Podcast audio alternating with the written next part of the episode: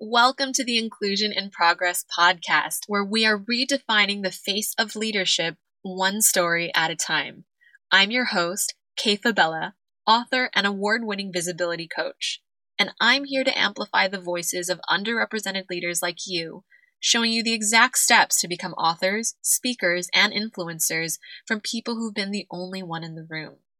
Inclusion happens when the onlys become one of many, which is why we need you to step up and show up as you are.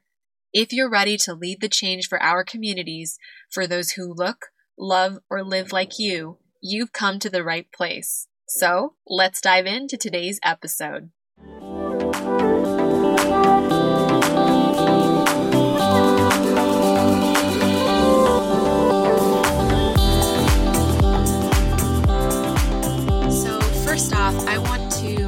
Start by saying thank you all so much for your feedback on our first few episodes of the Inclusion in Progress podcast.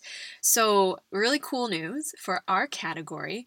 We're currently ranked in the top 100 in the UK, in the top 10 in Germany, and even briefly hit number three on the iTunes charts in Ireland. Honestly, it's so cool. And it's just been so lovely to see all of these first reviews pour in. So I'm going to share a couple of them with you to start. We had a Munich Jules from Germany write in saying, I could listen to Kay all day. I love this conversation that she's having about inclusion, so needed and so current right now. Can't wait for the next episode. I'm going to be a regular listener. We also had Cher from the US write in saying, Kay approaches complex issues about diversity and inclusion in a way that is honest, easy to understand, and encouraging. Each episode acts as a bridge to help minority and non minority individuals make progress in the space. Definitely a must listen for any leader who wants to contribute to DEI progress. And we had Franco write in from Finland saying, a podcast that finally sheds light on a topic that people tippy toe around. Kay starts important conversations on what it means to not only be a minority, but also what it means to open up a conversation that isn't so easily understood by others. If you have ever felt misrepresented or misunderstood when telling your story in being the only one in your demographic or location, then this podcast will help you voice your story. A must listen. And you guys, honestly, thank you, Franco. Thank you, Cher. Thank you, Munich Jules. It's so exciting to receive these kinds of messages on what inclusion and progress means to you. And it gives us the motivation that Team Kay and I need to keep putting out these episodes every couple of weeks. So, of course, if you're liking the podcast so far, please be sure to subscribe, rate, and review, or hey, send me an email to k at kayfabella.com. That's F A B as in boy, E L L A.com with what your favorite episode has been so far. So, I want to switch gears now and talk about something that popped up on my feed featuring former President Barack Obama. Now, since he's left the White House, we haven't seen him around that much as he enjoys his really well deserved retirement. But usually, when he does make a public appearance, his comments are measured, eloquent, refreshing, and really make you think. And to be honest, it's just really nice to hear a politician speak about topics in ways that aren't just simply black and white, right and wrong.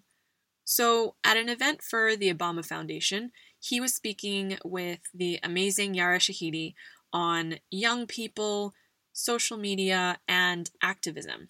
And I'm going to be sure to put the link to the original video in the show notes, but here's a direct quote from what he said. This idea of purity and you're never compromised and you're always politically woke and all that stuff. You should get over that quickly. The world is messy, there are ambiguities. People who do really good stuff have flaws. People who you are fighting may love their kids and share certain things with you. Obama went on to say that he's bothered by a trend he sees among young people, particularly on college campuses, where there's this sense that the way of me making change is to be as judgmental as possible about other people, and that's enough. He then said, That's not activism. That's not bringing about change. If all you're doing is casting stones, you're probably not going to get that far. That's easy to do. Now, granted, it's not hard for different news outlets, especially the days after these comments came out, to take that little soundbite and then spin it whichever way they please. But what really struck me is if you listen to the whole video was how Obama thoughtfully talked about this idea of wokeness and so-called cancel culture. so I'm going to be honest here, I actually had to look up what cancel culture was. Because remember, one, oh, I'm an old millennial, and two, I've been living outside of the US as an expat in Spain since 2010. And three, I actually no longer have the benefit of a Generation Z intern to make sure that I stay up to date on what the kids are saying these days. Wow, did I just sound like a grandma or what? Basically, what cancel culture boils down to is this say something wrong, or tweet something people disagree with, or express an opinion that's surprising or contradicts this established view that people have a view or that shows how quote unquote unwoke you are. And then be prepared for demands for you to be fired, defriended, or otherwise driven from society will quickly follow. And that's canceling in a nutshell. Now, don't get me wrong, I think that where something like this can be valuable is, for instance, in the wake of Me Too and Time's Up, and calling out people who've clearly abused their power. After you've repeatedly inflicted harm or abuse on others, then you should absolutely be held responsible for that. But I think when we spend all of our time on alert for these sort of gotcha type moments, it seems all we're doing is just moving from outrage to outrage. Like, we wake up in the morning, go into work, hop online, find the next person who put their foot in their mouth or said something we consider to be wrong, and start pointing our fingers and yelling, Hey everyone, yoo-hoo, here's the bad person, right here, come and get him. And we all pile on top of them. Now, there are two dangers to that. One, we're basically saying that there are only good people, meaning people who agree with me on all things, and bad people, meaning those who don't agree with me on everything. So there's no gray area. It's black or white and binary, right?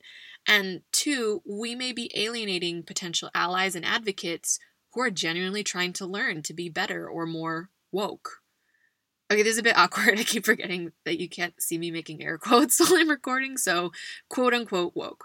That does sound really awkward. Anyway, listen, I've now worked with many entrepreneurs and business leaders across the world to find their stories, to communicate with impact, and persuade their audience to see them as the authority they need. So I know for a fact that we are all constantly evolving. As Obama said at the same event, people who do really good stuff have flaws. We're human, right? As I understand it, the main point he was making is that politics and life, for that matter, are rarely that cut and dry. No one, including you or me, is all good or all bad. We are all works in progress, just like this podcast. And if you find yourself nodding along, or if any of what we're talking about so far on inclusion and progress is resonating with you, please be sure to get in touch with me on LinkedIn because that's where I'm really doubling down on these conversations around diversity and inclusion. Just search me, search for me. I just used a Spanishism there. Just search for me as Kay Fabella, which is F as in Frank, A, B as in boy, E L L A, and you'll find me. Can you tell I've practiced that a few times? Side note, I was told my last name isn't the easiest to spell by a, a podcast listener, so I'm going to give you a head start here in case you decide to look me up on LinkedIn later. All right? So, when it comes to complex issues like race, gender, and the different topics that come up around inclusion, we're not going to have the same upbringing or worldviews as I shared in episode 2, which means we're going to get our signals crossed. Some of us, who are still learning to navigate new vocabulary and paradigms, are going to get it wrong. I mean, look at me. I had to inform myself on what cancel culture is right before I recorded this episode. But if all of us are working towards a common goal, like inclusion, which we still obviously haven't achieved yet, it's important we create a safe space where we're allowed to be vulnerable, where we're allowed to get it wrong and mess up and and at the same time keep learning alongside one another. So to me, there's a difference between calling people out and calling them up. Let me explain. The more I speak about diversity and inclusion with my clients and companies, with other D&I professionals, and with my own private clients, the more interesting conversations I've had. And they aren't just with minorities from the groups that I'm advocating for, There are also some valuable and eye opening discussions with non minorities too. Two conversations I had recently stuck with me. One was a white cis woman, and the other was a Latino man who can pass as a white cis man. Both conversations went something like this I know I'm privileged, and I want to be an ally, but I'm afraid to be called out for saying or doing the wrong thing as I'm learning by both the majority and the minority groups that I want to help. So I end up saying nothing in case I potentially offend someone, and then I feel guilty for not doing more. Listen, as a woman of color and an immigrant, I'm the first person to say that underrepresented leaders like me need safe spaces to share our stories and advocate for change. As I shared in episode 2, we're going to have to be prepared for uncomfortable conversations with people who've never experienced discrimination before, and that's a necessary step to making change happen. But if the non minorities that we need as allies are avoiding conversations with us for fear of being quote unquote canceled as they learn how to support us and become better, is that moving us towards inclusion? Instead of blaming and shaming or calling out, why not try accountability or calling people up towards acting as an alignment with the highest versions of themselves? Getting woke seems to be super trendy. It's our way of showing the world that we're knowledgeable, that we're cultured, that we're open minded, that we're tolerant, and that we're using all the correct terminology, which means that the purity of our beliefs can't be questioned. But where it gets dangerous is when we think we're somehow on some moral high ground compared to others who aren't quote unquote woke enough. So here's my question How can we wake each other up without the need to point fingers and cancel others out? Most of the people I speak to within organizations especially as they're working to make diversity and inclusion a greater priority moving forward, just want to make their people feel safe enough to keep coming to work every day. Most aren't going to know the politically correct terminology, the pronouns, etc., that you're needing to use, nor should I expect you to. I mean, that's why you're hiring me after all. And that's because what most people forget as we're trying to call people out for not being woke enough is this change doesn't happen radically, it happens incrementally. And change can only happen when there are all hands on deck, meaning a shared sense of responsibility between the company leadership and the underrepresented groups that we're working so hard to help. And if your organization needs support building out measurable, actionable D&I initiatives in 2020 and beyond, please get in touch with me at the link in the show notes to book your free discovery call. I'll work with your team, your department, your ERGs, or your D&I Leadership Council to implement a tailored solution that helps underrepresented leaders in your company thrive. So if you're struggling with issues like gender parity, retaining senior workers, or attracting more minority professionals to stay at your company, head to the show notes or go to kayfabella.com to book your free call with me today. Listen, the main reason I started this podcast was because it's taken me years to find a place where I could feel like I belong and have these conversations on identity and inclusion openly in a way that I felt like I could learn and evolve imperfectly as I found my voice around these topics. Because whether it was with fellow Americans at home, fellow Asian Americans, fellow Filipino Americans, fellow expats here abroad in Spain, where I live, fellow Spaniards, fellow women of color in general, or people of color, I always felt like I would get called out for saying the wrong thing or for not knowing how to say something in the most up to date, politically correct way or most woke way or whatever. Or that somehow I would end up losing in this game of one upmanship or what I call the oppression Olympics based on who suffered more.